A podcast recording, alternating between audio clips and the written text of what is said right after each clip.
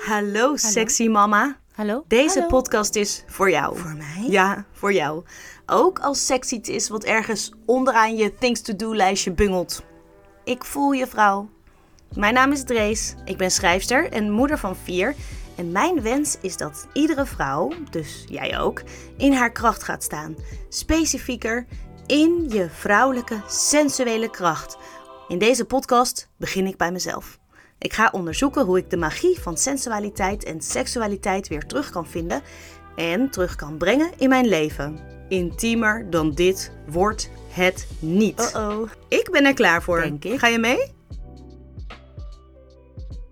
We hebben het nu al een tijdje over borsten. ik heb het al een tijdje over mijn borsten, maar ik heb het ook over borstvoeding en over borsten in het algemeen. Ja, en als je seks zegt, dan zeg je een heleboel, maar dan zeg je ook zeker borsten. En ik wil iets met je doen over eh, de liefde voor je borsten. Maar voordat ik je dat, ehm, voordat ik dat met je ga doen, wil ik je. Ja, deze podcast gaat over mijn ervaringen, hè? over mijn zoektocht. Maar eigenlijk is het ehm, ook een beetje zo bedoeld dat jij het hoort en dat je misschien ook wel geïnspireerd raakt. Misschien iets gaat uitproberen. Nou, ik haal voor jou de kastanjes uit het vuur. En zo nu en dan deel ik gewoon een ervaring met je of een gedachtegang. En de liefde voor mijn borsten. Dit heb ik niet echt voorbereid, dus ik moet even nadenken of ik. Hoeveel hou ik eigenlijk van mijn borsten? Want mijn borsten die zijn zo gebruiksvoorwerpen. Soms dan pak ik ze in in een sexy lingerie en dan zijn het ineens hele andere borsten dan wanneer ik met mijn kleine meisje in bed lig en dat zij borstvoeding drinkt. Het lijkt wel alsof het twee totaal verschillende ervaringen zijn met verschillende l- voorwerpen, lichaamsdelen. Nou, dat is natuurlijk ook waar. En dat is helemaal niet zo raar. Daar heb ik ook al eerder wat over gezegd. Dat verschillende lichaamsdelen hebben gewoon verschillende functies. En je handen die een kopje warme thee vasthouden, die hebben een hele andere kwaliteit dan je handen die een eh, houtblok hakken om het vuur te maken waar je je warme thee op kookt. Ik zeg maar wat. Ik heb ook wel eens uh, haptotherapeut Nicky de Trooijen horen zeggen dat als je je kind dan is het een hele andere kwaliteit dan wanneer je je telefoon pakt, bijvoorbeeld. Nou, dus met je handen doe je verschillende dingen. Verschillende dingen. En ook met je lippen kun je kussen. Je kan ook een hapje nemen van een appel. Of je spreekt, zoals ik nu doe. Allemaal verschillende functies. En ook de borsten hebben verschillende functies. En ze verdienen liefde. Ze zijn ook een soort van verlengstuk van je hart. Ja, en ze geven vaak liefde. Ik hoop dat ze ook veel liefde mogen ontvangen. Ik heb ze nu vast, mijn borsten. en dat voelt goed, alsof ik ze ondersteun en bij me hou. Jullie horen bij mij. Nou, ik ga een column voorlezen die ik eerder schreef voor uh, Kind Magazine. In Kind heb ik heel veel geschreven over borsten en borstvoeding. En dat kan je op de website van kind.nl uh, met dubbel i nog teruglezen. En deze column is verschenen in het magazine. Het is eigenlijk een ode aan mijn borsten. Komt-ie.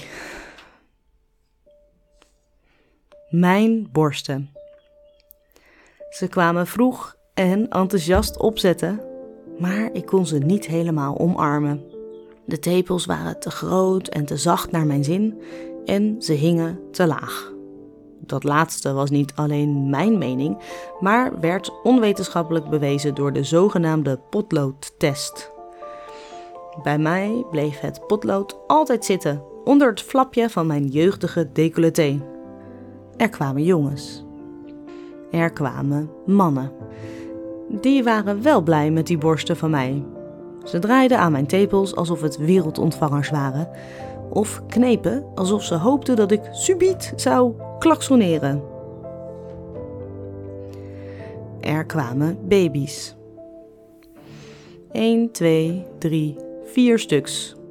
Gelukkig van de man die niet alleen mijn borsten omarmde, maar ook mijn hart en mijn ziel. Liefdevol masseerde Floris mijn zwangere borsten met olie om te voorkomen dat ze hun rek zouden verliezen. Groot was zijn verwondering toen de eerste druppel melk er onder de douche uitcijpelde. Onverholen zijn verrukking toen er een cupmaat of twee bij kwam. Die D uit mijn twintigers was peanuts vergeleken bij de F die ze nu aantikte. Maar Floris moest ruimte maken voor afhankelijke, zoekende, smakkende babymondjes. Voor handjes die wilden knijpen, draaien en klaksoneren. Mijn wereldontvangers werden dag en nacht geclaimd door een baby. En als die er niet aan hing, dan wel de grote broer of zus. En als die er niet aan hing, nou dan wel. Ah fijn, Floris mocht aansluiten in de rij. Inmiddels zijn we 10 jaar borstvoeding verder.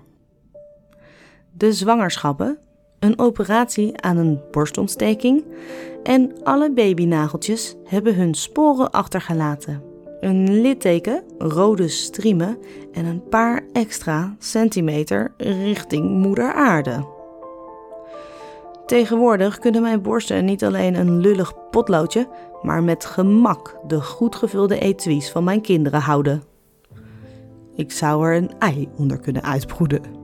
Lekker warm en zacht, zonder bang te hoeven zijn dat hij er onderuit zou vloepen.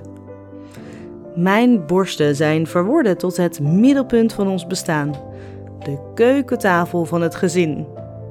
Waar wordt gedronken en gegeten, gelachen, gehuild en getroost.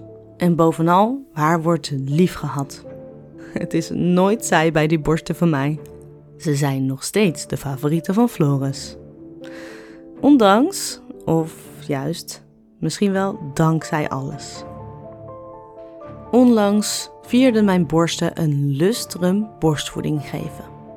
Misschien een mooi momentje voor mij om ze zelf ook eens te omarmen, een beetje liefde te geven en een beetje ruimte. Ik sluit ook maar eens aan in de rij. Bedankt dat je hebt geluisterd naar dit avontuur. Ik ben benieuwd wat het met je heeft gedaan. Vond je het leuk? Heb je ervan genoten? Vond je het stiekem misschien een beetje awkward? Gênant? Interessant? Grappig? Laat het weten. En vooral, als je dit tof vindt, abonneer je dan op deze podcast. En natuurlijk kun je me ook volgen op social media. Ik zit op eh, Facebook en Instagram. En als je nou het gevoel hebt dat er meer vrouwen zijn die dit eigenlijk zouden moeten horen, die zijn stuur het dan vooral aan hen door. Echt super tof om samen ja, deze ontdekkingstocht aan te gaan. Tot gauw!